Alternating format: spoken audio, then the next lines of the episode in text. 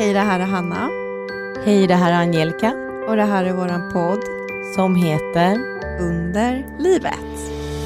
2021. Säsong två. Sjukt. Ja, Det, det, känns fort. jättekul. Ja, det känns jätte, jätteroligt. Och eh, vi har ju sagt det, att det här ska vi fortsätta med. Så är det bara. Helt klart. Ja. Eh, så gott nytt år då, kanske man ska säga. God fortsättning. Ja. Hur, eh, hur mår du? Jag mår bra. Trött. Har inte varit ledig så mycket i jul förutom de dagarna man är ledig. Jag tog en semesterdag så jag känner mig faktiskt lite trött. Eller jag har varit riktigt trött. Som du vet man kan bli. När man har kört på och jobbat ensam någon dag hit och dit och det har inte varit riktigt kul. Eh, men jag mår bra i min endometrios idag i alla fall. Gud vad skönt. Hur mår du idag? Jag mår bra. Jag har ju slutat med mina behandlingar, eh, kemiskt klimakterium och eh, piller, allt vad det nu är. Och det har ju gått flera veckor nu och jag har fortfarande inte fått mer smärtor. Alltså jag har ju väldigt mycket smärtor dagligen som det är. Peppar peppar. Eh, men eh, ja, alltså jag mår bättre än vad jag trodde att jag skulle göra för ibland så om jag glömt ta spruta på typ kanske två dagar. Jag är ju en av de som har fått ta de här enantonsprutorna tätare än vad man egentligen ska ta dem. För att jag ganska fort börjar blöda och få mer smärtor. Eh, men nu eh, det har liksom inte blivit någon förändring i mina smärtor. Men har du fått blödningar nu? Nej, inte där heller. Så vi får se. Det kanske kommer liksom pang bom en dag eh, och jag blir helt liksom knockad av det. Men än så länge så njuter jag så gott jag kan. Eh, sen så har jag glömt att uppdatera er på den här bentäthetsmätningen som jag gjorde. Eftersom att jag kan bli benskör, eller alla som tar Enanton, eh, kemisk klimakteriumbehandlingen, kan bli bensköra för att man ju har eh, ingen östrogen i kroppen. Um, men den eh, visade utan anmärkning. Så, och jag, vi, när vi pratade om den Angelica så var jag lite orolig så här, om, om, den, om, jag har, om det visar tendenser till att jag börjar bli benskör så måste jag sluta med den och så var jag lite orolig, kommer du ihåg det? Kan det här vara en anledning till att du ville testa också? Att du har tänkt mycket på det? Ja, men, ja, jag tror kanske det. För sen slutade jag ju med behandlingen, behandlingarna fastän jag inte är bentät och kan fortsätta med dem. Så att, eh, ja, helvändning där. Men hur eh, får man det förklarat när man är på en sån här mätning? Hur går det till? Orkar du dra lite kort? Eh, man ska göra det vartannat år, säger min läkare. Jag tror att det kan vara lite olika. Och jag har haft Enanton sedan 2016, december 2016 och det här var min andra som jag gjorde nu.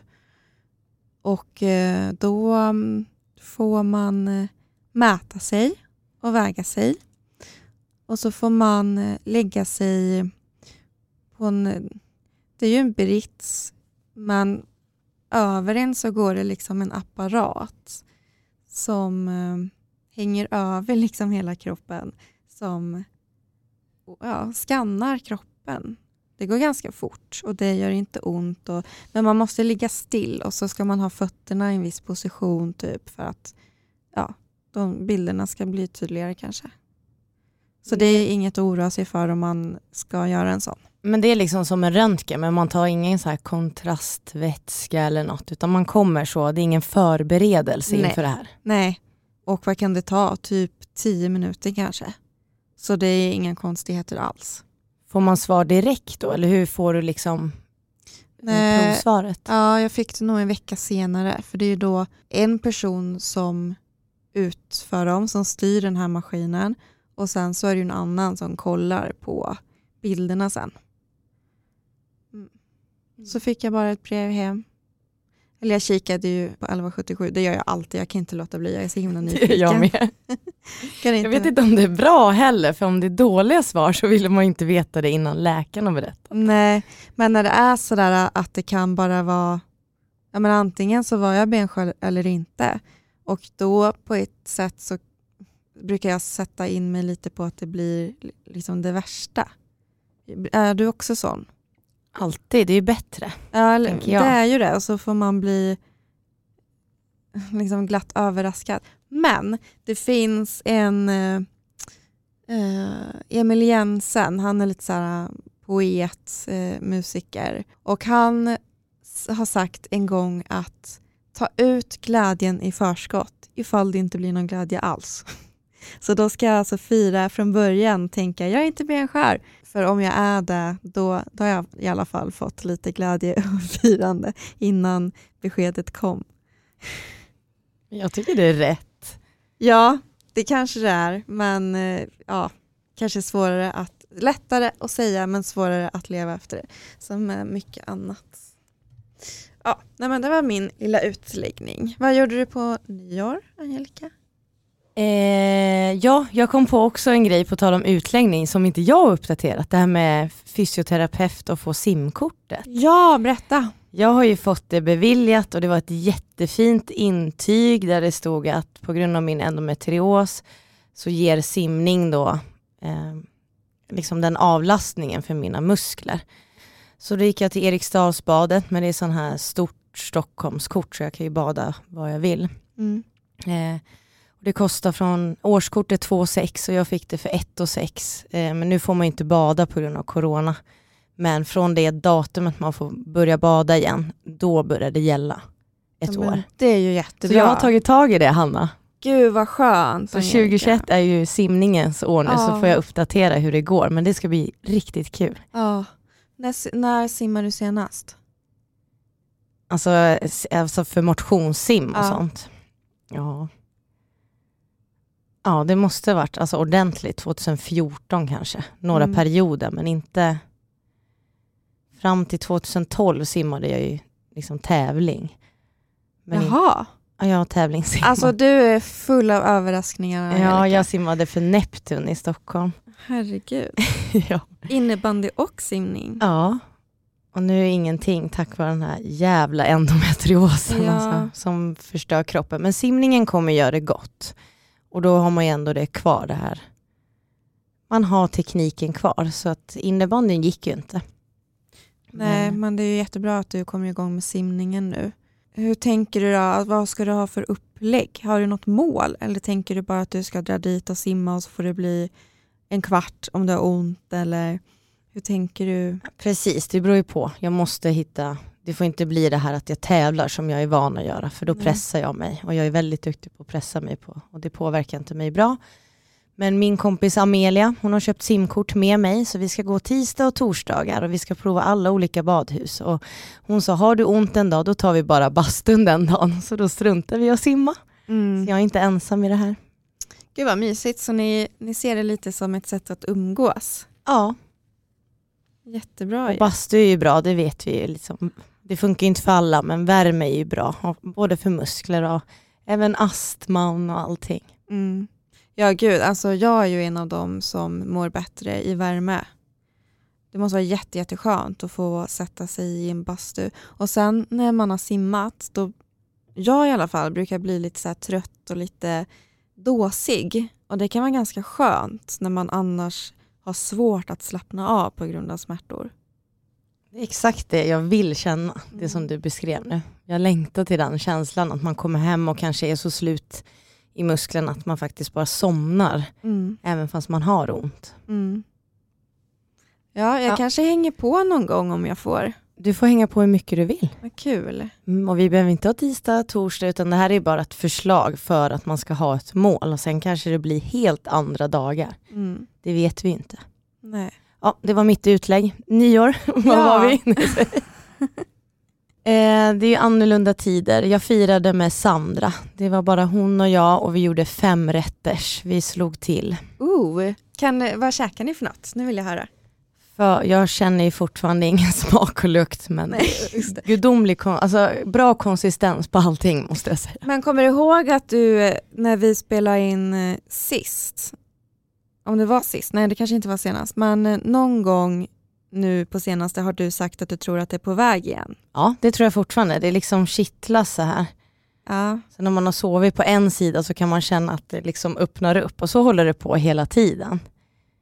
Så att jag tror någonting händer, ja, som den där poeten sa. ja. Ta, ut, ta ut vinsten och glädjen. Så att eh, någonting händer. Mm, Jag tror skönt. lukten kommer komma först. Mm.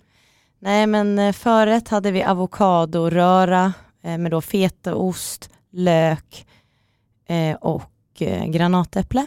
Väldigt fräsch, enkel förrätt. Mm. Kallrätt, då hade vi kall kyckling. Stopp ett tag. Hur var det att käka lök? Hur mår du på det?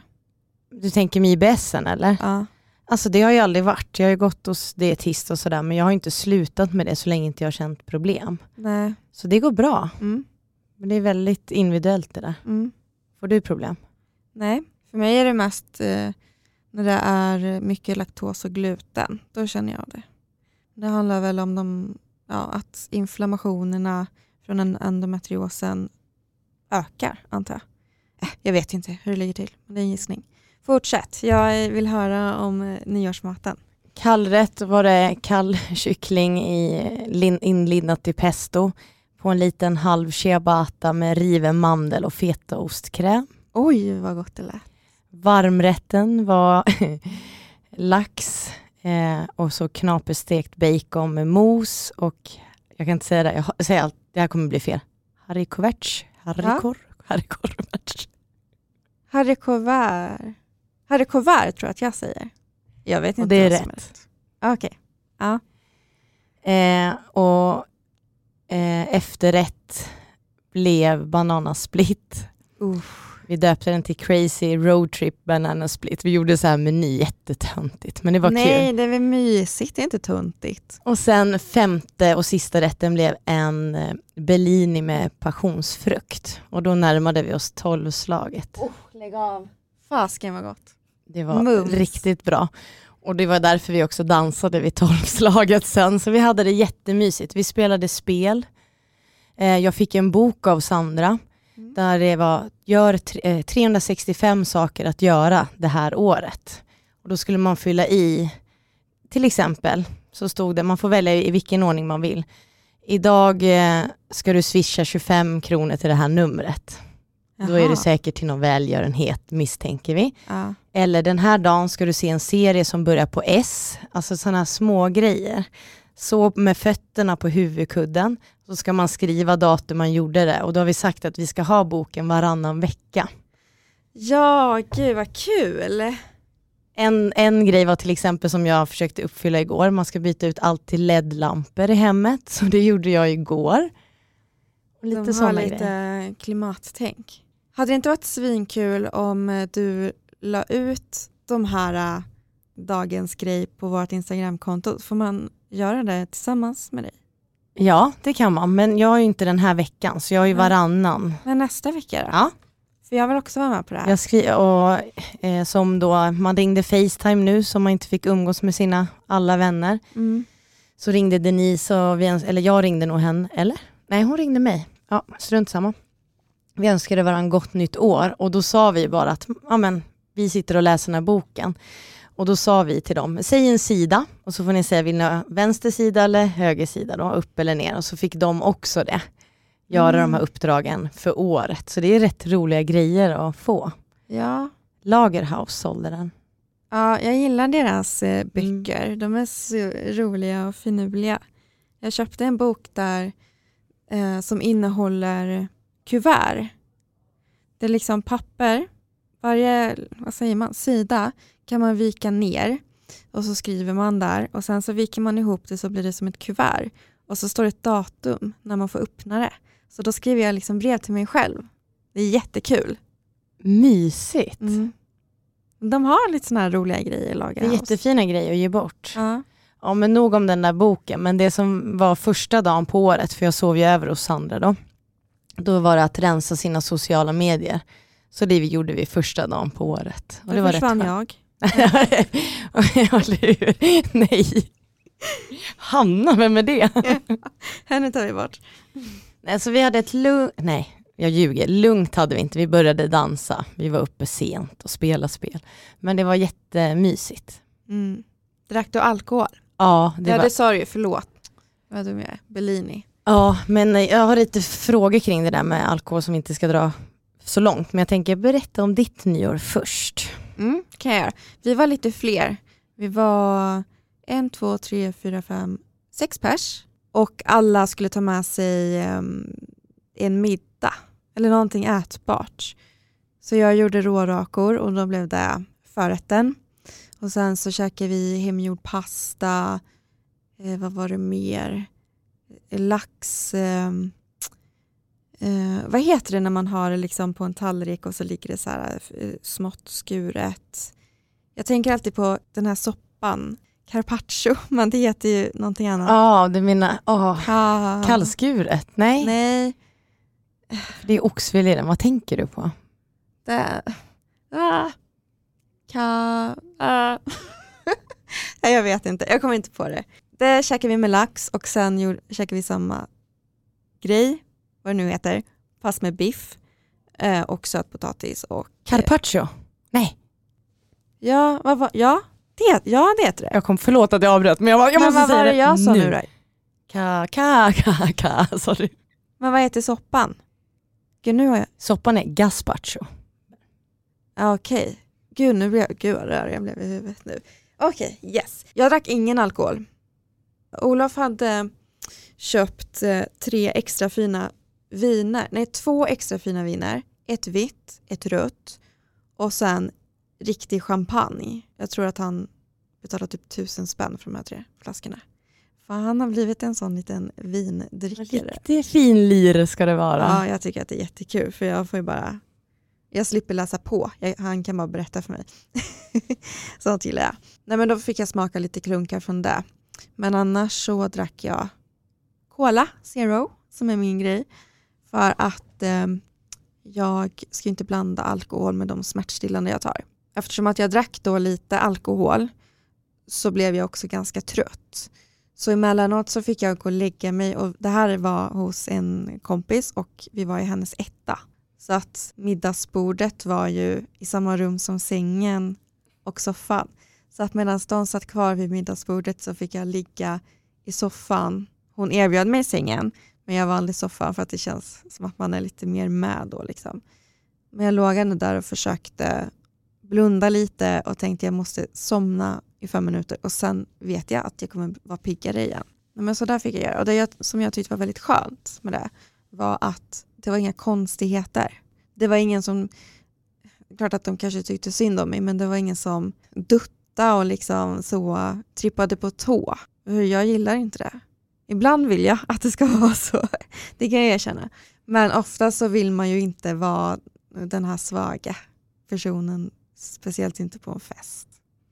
Nej för där är ju också ditt sätt hur du hanterar det och det är inte att du vill bli duttad utan bara för att du ligger där i soffan så är det inte att någon behöver klappa på huvudet utan det Nej. är bara för att jag vill vara kvar men det här är mitt sätt för att kunna vara kvar. Ja. Och de såg det och det är väl jättefint. Ja, och så var det liksom inga konstigheter så det var jätteskönt. Sen eh, ja, drog vi hem typ halv ett och la oss. Och det var det. Det var jättemysigt. Var det. Men det är ju svårt nu i coronatider hur man ska umgås och så. Men eh, det här är personer som Olof hänger med, det är hans kärna.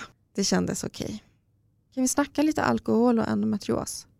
Ja, jag har ju mycket funderingar kring det.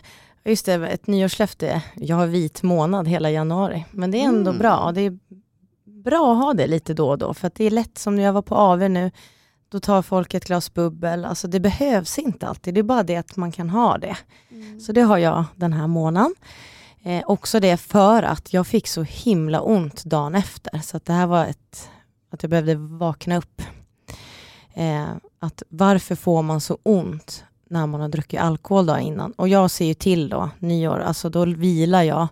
Jag vilade till fem, halv fem innan jag åkte till Sandra för att liksom, jag får inte ta någon smärtstillande och inte blanda eller någonting. Det är liksom, ja som du, man är jätteordentlig med sånt. Men dagen efter mår man ju så dåligt. Och jag läste ju på endometriosdoktorns Instagram att eh, det är många som beskriver ökad smärta dagen efter man druckit alkohol. Och det är just för att alkohol leder till ökade östrogennivåer i kroppen. Mhm. Mm. Så att det är min källa här, men jag tänker att det är väl det som gör då, att man får så himla ont. Ja, det är många med endometrios som, eh, som vittnar om att de får mer ont redan så eh, på kvällen när de tar det här glaset eller glasen, men också kanske främst dagen efter. Jag är inte en av dem, tack och lov, som får ont, men du är det. Alltså jag hade så ont så det var hemskt och så tänker folk, ja men då är det inte värt det. Nej, men det är inte varje gång man får så ont heller. Och nu var det ju ändå nio år. Eh, och då vet man att det kan bli så. Och vi drack ju massa bubbel. Men jag tänker att vi kanske kan lägga upp en tråd. Eh, jag kanske kan ta tag i det här och lägga upp en tråd så kan vi diskutera lite mer lyssnare vad ni känner. För jag vet att några har skrivit in till oss och frågat hur vi känner om det här. Så det är nog en viktig fråga att ta upp. Så att jag lägger in en tråd så får vi se hur andra upplever det. Men jag tycker att jag blir så mycket sämre och då får man ju till exempel inte ta opioider dagen efter för man har ju kanske alkohol kvar i kroppen. Och, så det är en pina det här dagen efter. Så då kan ju an, till, liksom andra dagen också påverkas. Så Mm. känner jag i alla fall. Mm. Ja, det blir ju kaka på kaka då, att man dels får mer smärta och så dels får man inte ta sina värktabletter. Då kan man ju tycka att det är korkat att dricka, men man måste leva också ibland. Man väljer sina tillfällen och man står för det. Eh, men det mönster jag har märkt är i alla fall att om man håller sig till en dryck som bara bubbel då, en drink, då mår jag bättre. Mm. Kan du känna att eh, bubbel är bättre än öl? Smärt? Ja, det gör jag, för, det gör jag absolut. Då kommer lite IBS-magen, man svullnar och har det här, du vet, som det krampar i magen.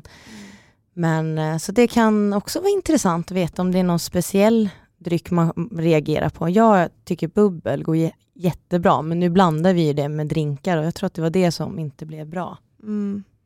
Man får lära känna sig själv helt enkelt.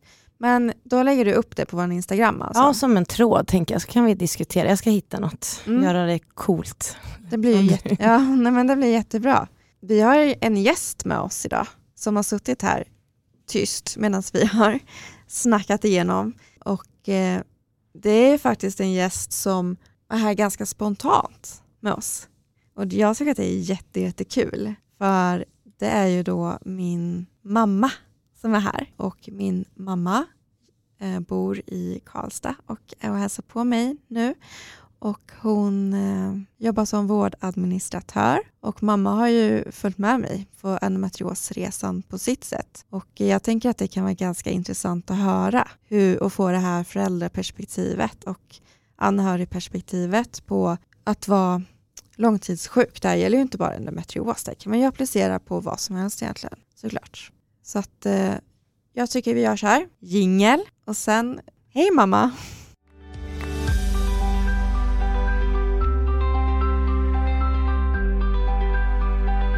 Hej hej! Jag tänkte säga hej mamma, för det har jag redan gjort här nu redan. Så, hej mamma säger vi. hej! Det blir jättebra. Och jag tänker så här att Angelica, du har ju eh, skrivit en massa frågor till mamma. Ja, jag har ju skrivit några frågor här eh, som jag undrar. Eh, alltså till anhöriga men även till min egen mamma. Liksom. Så du får ta svars till min mamma här nu tänker jag. Nej.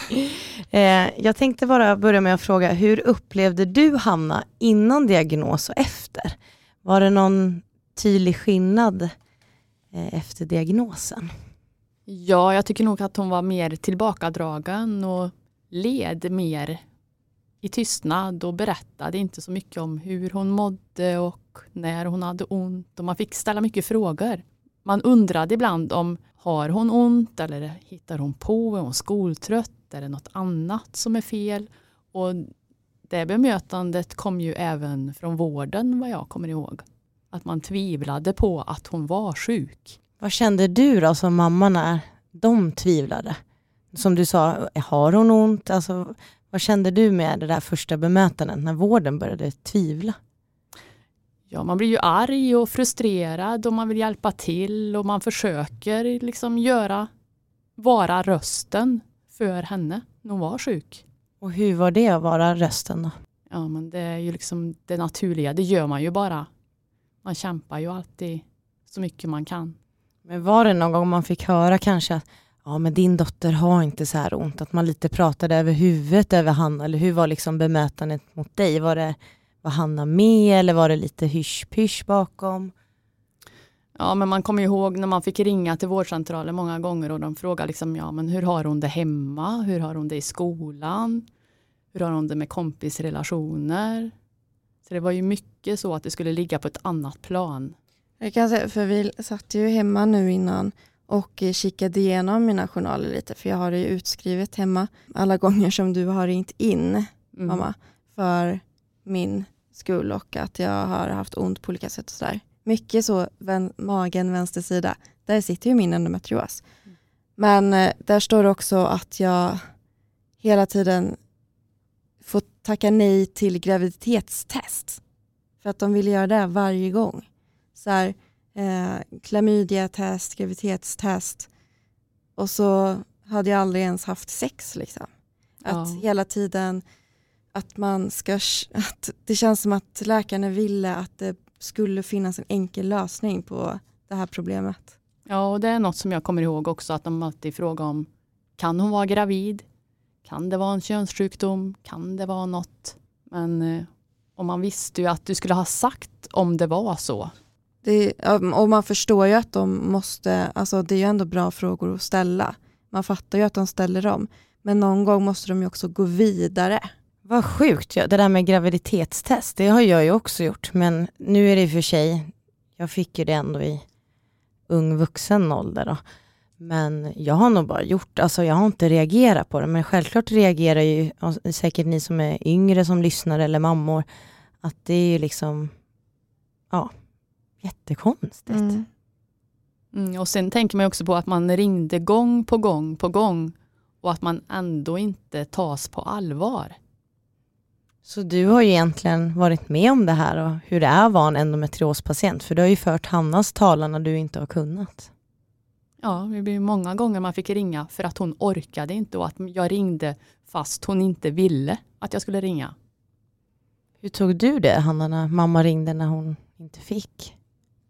Jag minns inte, men jag vet att när jag var yngre så tyckte jag att det var jättejobbigt med sjukvård och att jag verkligen in i det sista ville gå till vårdcentralen eller det var någon gång jag fick åka in akut fast då berodde det på eh, en annan grej men då var det liksom samma sak att jag drog mig så himla mycket från att ja, men sjukhus och vårdcentraler och så vidare och jag vet inte varför faktiskt. Ja, ja vilken historia, men det är det man hör nu, att man delar ju det här med andra också, Mm. sin mamma. Men efter då när dia- diagnosen kom, märkte du någon förbättring med Hanna då? Ja, men jag kan nog tycka att det är väl en förbättring för oss alla egentligen. Eftersom man, ja, det är en hemsk sjukdom. Mamma. För vi fick ändå svar på frågan att det var inget påhittat. Hon hade den här kroniska sjukdomen som är jättehemsk och samtidigt så kan man ju känna en lättnad. Att man vet. Ja. Nej, men att man kan lättare tillsammans liksom kämpa med det och man vet vad det är. Jag förstår, förstår precis vad du menar. Mm, och att det blir fokus på att eh, ehm, behandla istället för att utreda. Ja. Och man slipper tjatet om att få hjälp. Mm. Det måste vara så jobbigt som mamma att få alltså, se det där. Tjatet, tjatet och man ringer in och jag, ja, både Hanna och jag, vi får ingen hjälp. Det är ju jättehemskt. Ja. ja, det var jättehemskt och smärtsamt. Mm. Men nu sitter ni här och nu sitter vi till och med i en podd och pratar om endometrios så det har ju blivit en förbättring. Eh, då tänker jag fråga, vad visste du om endometriosen innan då? En av mina, min äldsta dotters vänner fick eh, vad jag kommer ihåg, diagnosen i samband med att Hanna själv funderade på om det var det hon kunde ha. Så du hade ändå lite... Jag visste inte vad det var. Nej. Inte alls. Väldigt lite. Vad var det, vad, minns du vad det du trodde att det var? Då? Ja, någon eh, o, väldigt ovanlig kvinnosjukdom som, ja, som skulle gå över när man fick barn. Ja. Mm. Du är nog inte den enda som har den på känn liksom. Nej. Nej, Och tänkte man, är det så enkelt så ja, skaffa barn Hanna. ja, de- de lä Bring me some babies. Läkarna tycker ju det är för många ni som kämpar nu och inte har fått diagnos. Det är nog det ni får höra mest här som Hannas mamma säger. Skaffa barn. Ja, jag fick ju höra när jag låg på uppvaket efter operationen, 21 år gammal. Skaffa barn så blir du smärtlindrad. Ja, och jag kan ju säga att jag blev väldigt rädd då. Jag tänkte nej, skaffa inte barn ur medicinskt syfte. Jag vill inte ta hand om några barnbarn. Men vad tänker man då som mamma när en läkare, alltså blir det inte jättekonstigt? För att ja, Hanna är ju ditt barn liksom och så, du får höra det. Ja, och så låter det ju som den sjukaste lösningen på ja, vad som helst.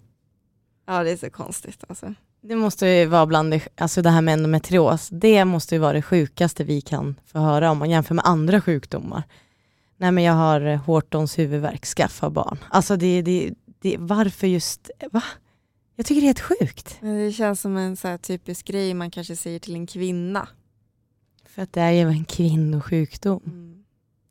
Ja men då hade du ändå lite koll. Jag tänkte att du skulle säga att du inte hade någon aning alls. Ja, lite grann, men ändå ja, inte någonting egentligen om vad det handlar om. Hur ser det ut i er familj med ärftlighet, den ärftliga påverkan? Det är ju ingen annan som har diagnosen endometrios, men det finns ju flera med symptom som kan tyda på att det kan vara endometrios. Mm. Och där har ju jag hela tiden tjatat på att sök hjälp. För när man får bra hjälp så är den verkligen bra. Men eftersom att den här personen då har sett mig kämpa så mycket så har den här personen inte vågat söka vård själv. För att hon tänker då att man får ju ändå ingen hjälp. Jag vet ju det, så varför ska jag söka? Och varför jag har min diagnos idag är ju egentligen bara tack vare för att jag var envis och inte gav upp. Och trodde på mig själv. Mm, Och det är ju ändå skönt att du orkade hela vägen. Ja. Men det är, alltså det är helt sjukt egentligen att man har orkat. ja. Så Ja, många nu- gånger man har gått ifrån om det har varit eh, en kl- eh, eh, klass, vad heter det? Gud vad länge sedan jag pluggade, vad heter det? Lektion, tack. Gud, man går ifrån lektion bara för att man har läkartid. Gå på toa och så ringer de precis där eller på jobbet eller Gud vad man har anpassat sitt liv efter endometriosen. Och nu, nu tänker jag när man väl får diagnosen, nu är det dags för endometriosen att anpassa sig efter oss. Så många år vi har gjort det.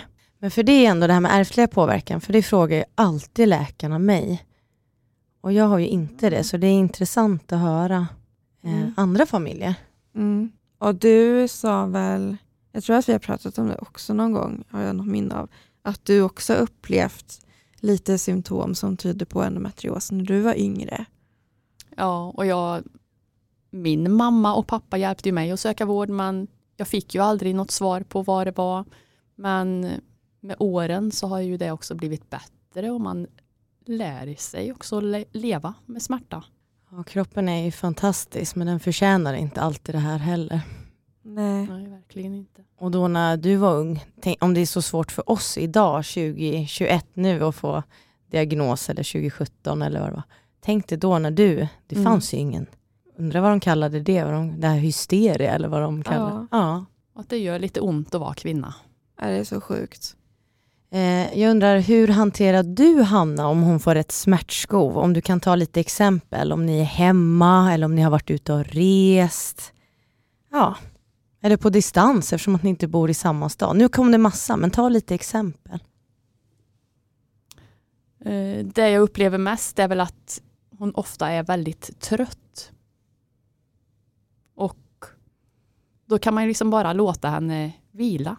Man får försöka hjälpa till och finnas där och köpa hem lite Cola Zero, choklad och försöka göra det så bra som möjligt. Liksom låta henne vila om hon har hälsat på. Ja, Ja, men tröttheten är ju ett av mina största symptom. Jag kämpar ganska mycket med det. Sen blir man trött av eh, smärtstillande och det finns tyvärr inget piller eller någon quick fix mot trötthet på det sättet. Innan jag fick min diagnos så har jag nog känt mig som att jag är folk ser på mig som att jag är lat. Och så tänker jag ibland nu också att de inte fattar varför jag måste sitta i soffan eller sova en stund och sådär. Medan det är jättenödvändigt för mig för att orka med en hel dag.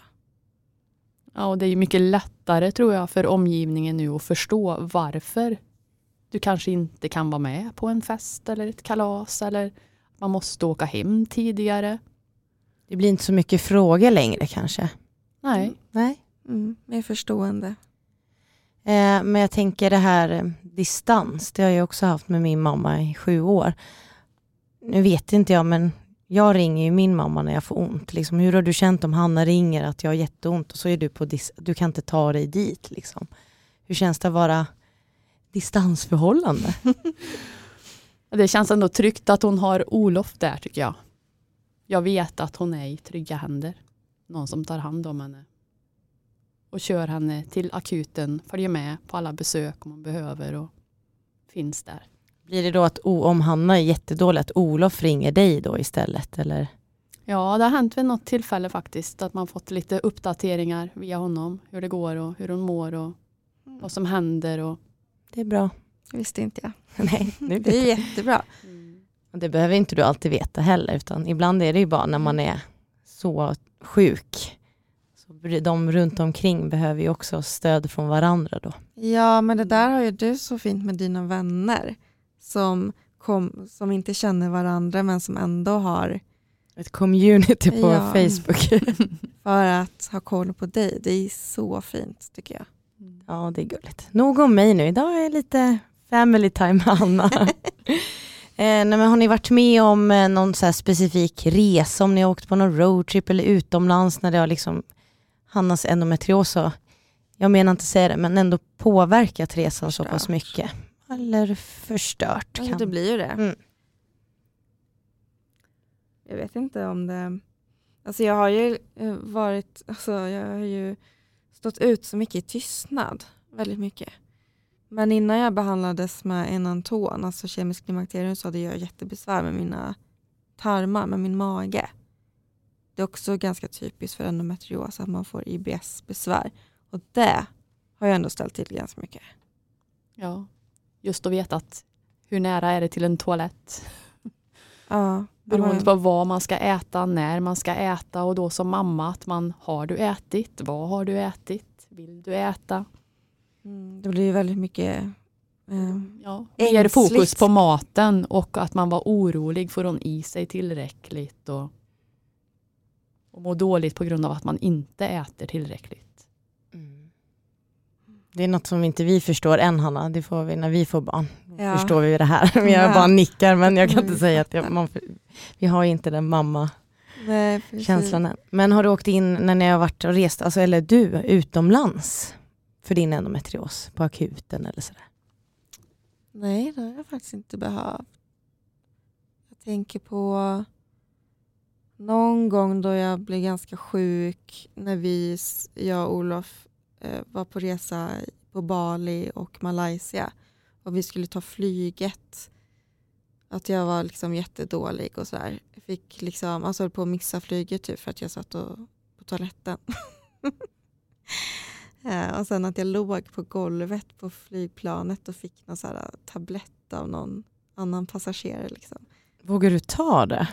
Ja, men hon såg eh, pålitlig ut. men du har ju följt med mig på akuten. Det var ju eh, ja, men, kanske precis prick ett år sedan nu. Det kan du berätta om. Ja, berätta om det och liksom vad, hur du upplevde då när ni kom in till akuten med bemötandet från personalen och lite sånt där. Hela, hela den händelsen skulle jag vilja höra om. Mm. Ja, vad jag kommer ihåg så var det att du skulle komma och hälsa på över en helg har jag för mig. Och lillebror, som sagt, han såg ju fram emot det här. Och skulle ni komma och hämta mig på jobbet den här dagen. Och du kommer där i bilen och så säger du att jag måste stanna här borta på en parkering längre bort för jag mår inte bra. Och då blev jag lite orolig och jag frågade liksom hur illa är det? Och så här, ja men det går bra, jag kan köra och jag, vi kommer att hämta dig. Och så när jag ser i bilen så du ser alldeles kallsvettig ut och jag ser att du har ont men ändå liksom biter ihop för lillebrors skull tror jag och inte visa allt det här. Så där och då bestämmer jag att vi ska köra Hanna till akuten. Och eh, ja, sammanfattningsvis kan jag ändå tycka att det var ett bra bemötande. Men samtidigt så ville de ju då att du skulle prova det här morfinplåstret först. Och då var vi tvungna att ta oss till ett apotek. Då i rullstol köra dig först in till akuten, sen från akuten till apoteket, köpa det här plåstret, vänta och se om det hade någon verkan. Och sen i nästa fas vänta på att jag tror fick intravenöst morfin. Mm, det var något jag fick där som tog bort smärtorna. Men jag fick verkligen komma in. Det var ju lite folk som satt och väntade men jag fick ändå komma in direkt. Liksom. Mm, det gick ändå ganska snabbt och ja, jag tyckte det var ett bra bemötande. Att de lyssnade på dig. Mm. Jag behövde inte lägga mig i som jag trodde att jag skulle behöva. Och det är ju helt vad heter det, förvånansvärt att man inte behöver det.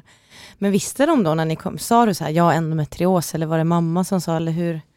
Nej, det var nog jag som sa det. Mm, Jag stod mer bakom och tänkte fylla i där om. och slå näven i bordet om det inte hände någonting. Nej, det var alltså överraskande bra besök. Men eh, något annat besök då som inte har varit så bra? Som du har varit med på?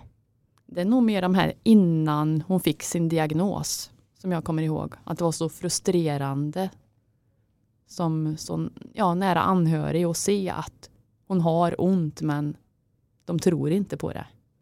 Det tycker jag har påverkat mig mer. Ja, alltså det var så hemskt. Jag visste inte själv vad det var. Jag kände mig jätte, jättesjuk. Jag minns att jag så här, har kräkts på väg till skolan och att ändå ingen vuxen lyssnar på en och liksom tror på en att det här är faktiskt riktiga smärtor som jag känner nu.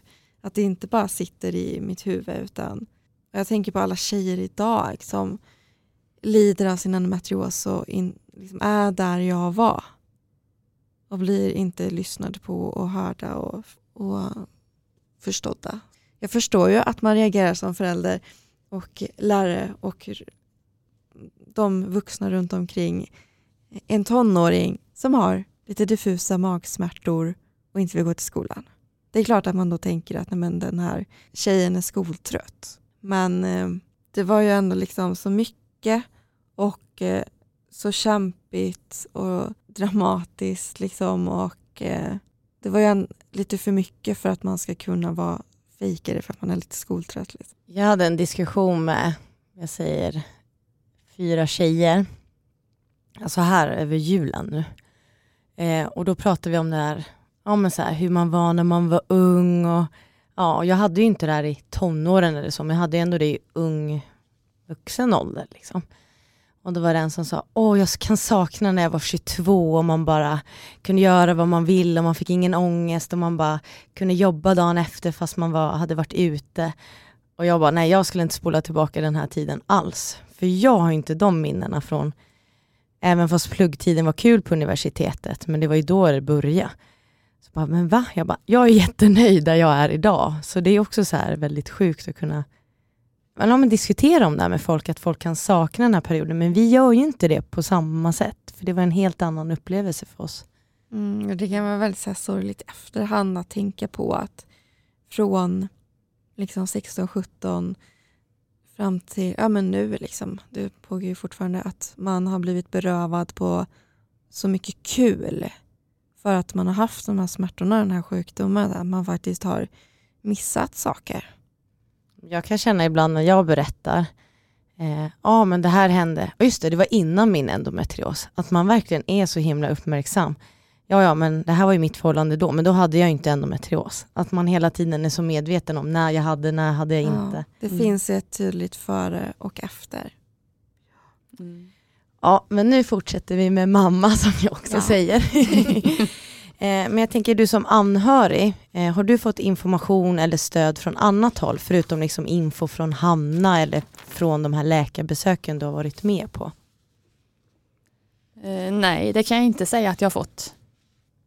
Man har sökt information själv och sen genom allt det här som ni har skapat, det är ju det som har gett en den informationen man har. Så det har aldrig varit någon läkare på de här besöken eller när du har ringt som har sagt att du förresten, det finns en anhöriggrupp med andra mammor som undrar det här? Eller? Nej, aldrig något sånt. Eller här kan du hitta information. Eller ingenting sånt. Jag tänker just anhöriggrupper, absolut. Det är en ovanlig sjukdom som vi sa. Men det, det, är ju inte ovanligt längre. Det är bara att det är nu det kommer fram allt det här som har varit ovanligt. Oj vad mm. luddigt det lät, strunt samma. Men det är just att det borde ändå finnas när en mamma ringer in eller en annan anhörig att man får information. Att läs den här länken eller följ gärna med nästa gång så får du lite mer information. Så ingenting. Nej, ingenting. Och när du sökte själv, då var det liksom internet. Mm, just det. Fann du bra sidor? Det var ju mest engelskspråkiga till att börja med.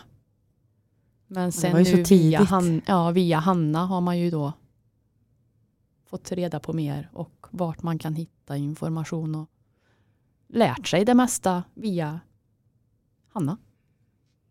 Mm. Och det är ju också, alltså det är bra, men det är också sorgligt med den här sjukdomen, att man hör hur anhöriga har det.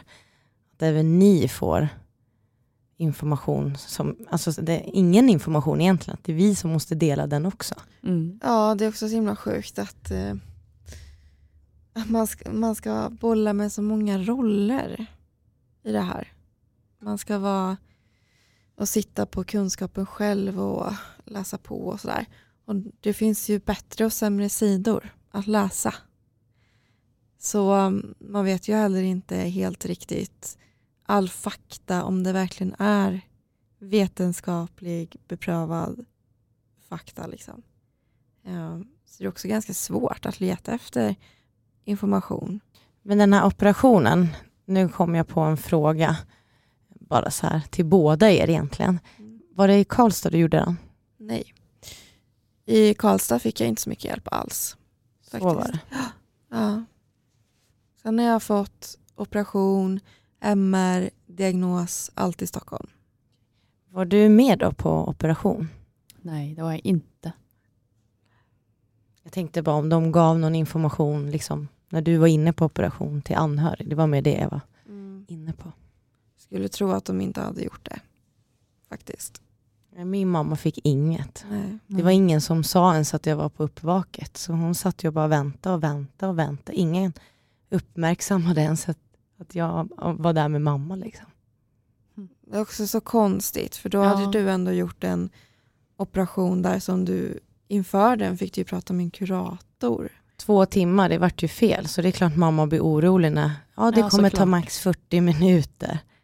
Och ingen kommer informera utan hon fick ju sitta där och ta en kaffe där uppe. Hon måste varit jätteorolig. Ja, och jag var ju på uppvaket och skrek mamma som en... Och då hade jag Stesolid och jag hade morfin. Jag kunde inte sitta, min tunga hängde. Och då sa de, vad är din mamma? Jag bara, Alltså du vet, jag kunde inte svara på det. Kan du din mammas nummer? Och det kunde jag. 073. Och sen såg jag henne komma där i rosjackan och hon bara grät. Liksom. Ja. Hon hade ju velat vara där med mig de här två ja, timmarna.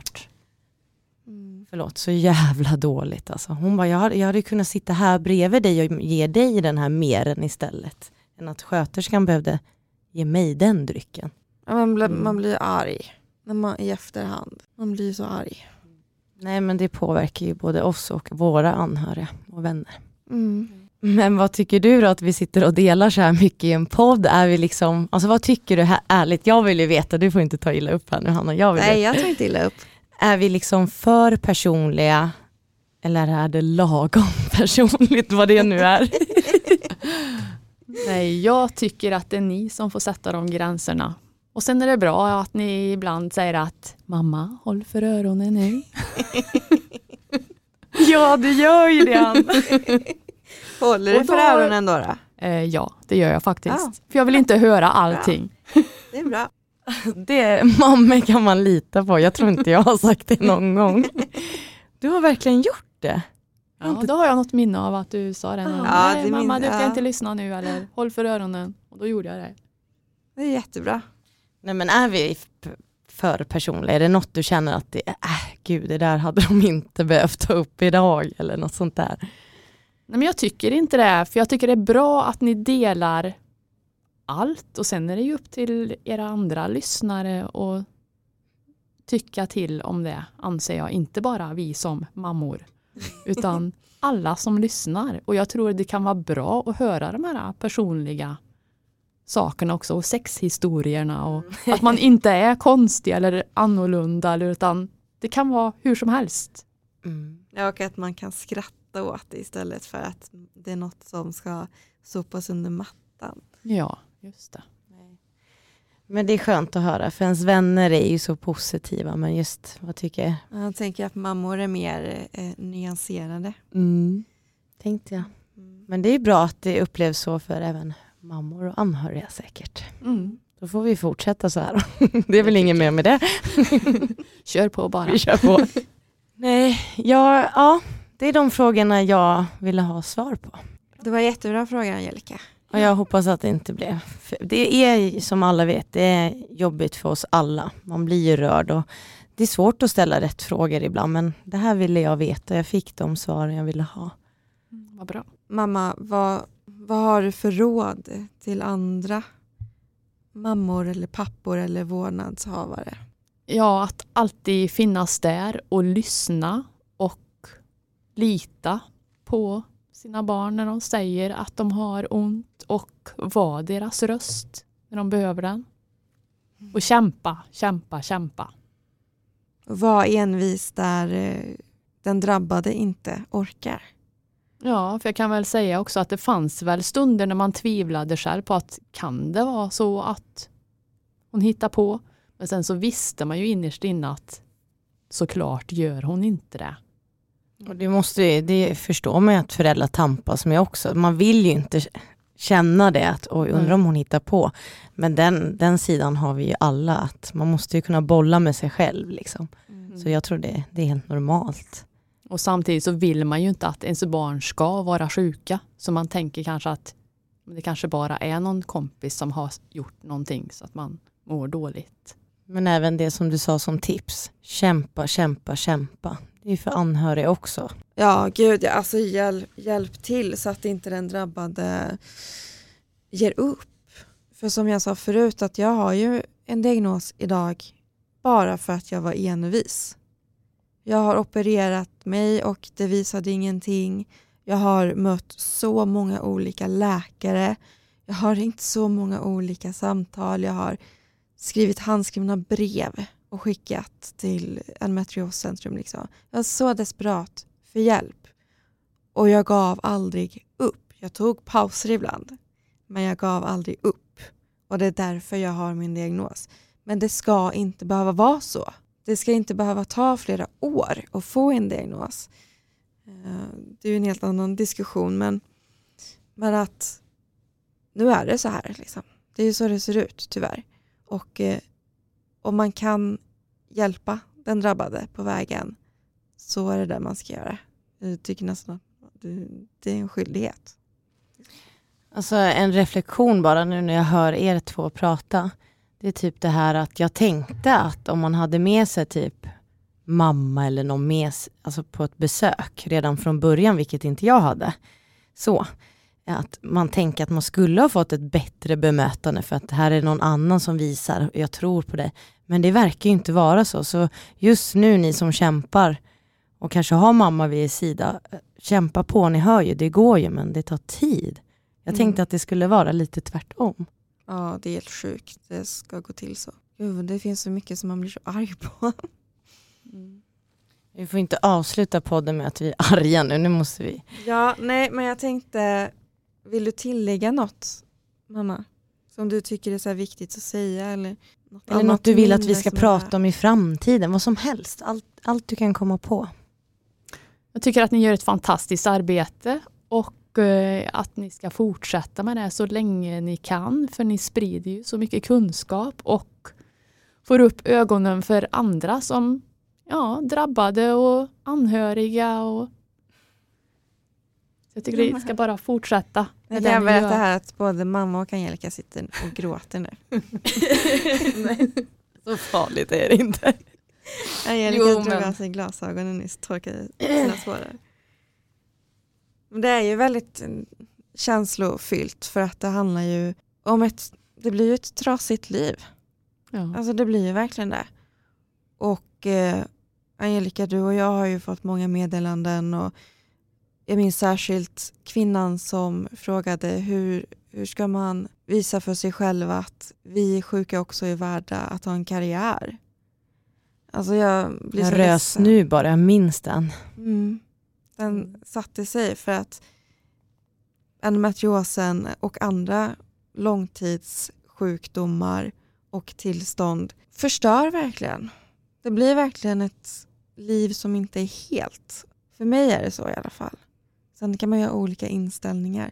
Och sen ska jag säga, livet blir ju bra ändå. Det är inte det. Men som när man ser tillbaka nu på alla saker som man har missat till exempel. Eh, för jag tar en fråga jag kommer ihåg. Ja. Men det var en eh, kvinna som skrev, när man har så ont, hur ska man orka leva? Minns du det? Mm. Det är också en sån som sätter sig i hjärtat. För det är så man känner när man är i de där smärtskoven. Så att det är en hemsk sjukdom. Eh, ja. Och det kan man ju säga också att när man är i sån smärta, alltså smärta gör så mycket mentalt. Man blir ju ja, men lite dum i huvudet. Liksom. Alltså man, man kan ju inte se klart.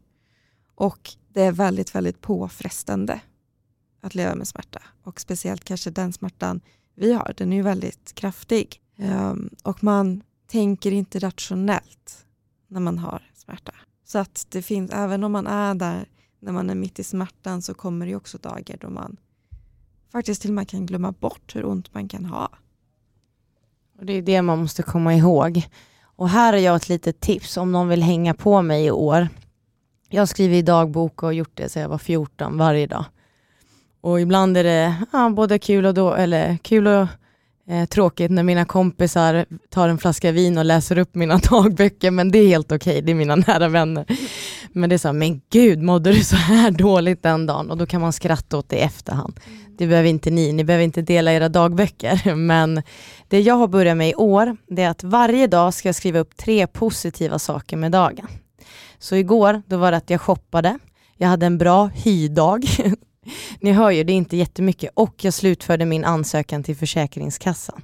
Så att man inte bara lever i det här jobbiga, utan man ska inte skriva ner i en dagbok vad man mår dåligt över. Så i år har jag ändrat min taktik. Man skriver, men att man också skriver upp tre positiva saker per dag. Och även om man inte skriver dagbok så kanske man kan tänka på tre positiva saker som har hänt den dagen i alla fall. Det tror jag är jätteviktigt. Jag tror att det händer väldigt mycket i kroppen när man tänker på saker som man blir glad av. Jag tror att det liksom gör kroppen gott på väldigt många olika sätt. För när man väl sitter där och skriver så har man ju ett leende på läpparna, för Ja. ibland har det inte hänt så mycket. Liksom, utan det har ju bara varit att idag har jag ätit frukost, lunch och middag och det är jättelöjligt, men då ler man åt sig själv. Men du, du letar ju go- alltså det goda istället för det här. Ja. Alltså det här det har varit ett jättemysigt avsnitt nu och med både skratt och tårar som det många gånger är i den här podden. Och eh, om ni vill följa oss på Instagram så heter vi underlivetpodd där i ett ord, underlivetpodd.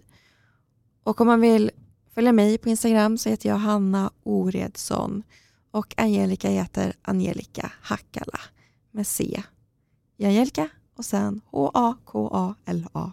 Tack mamma för att du ville vara med. Eh, jag är jätteglad för det. Kul att få höra hur din resa i det här har sett ut också, liksom, från ditt perspektiv. Och eh, ja, det blev fint. Det blev bra. Tack snälla för att du var med. Tack för att jag fick vara med. Hej då! Hej då. Hej då.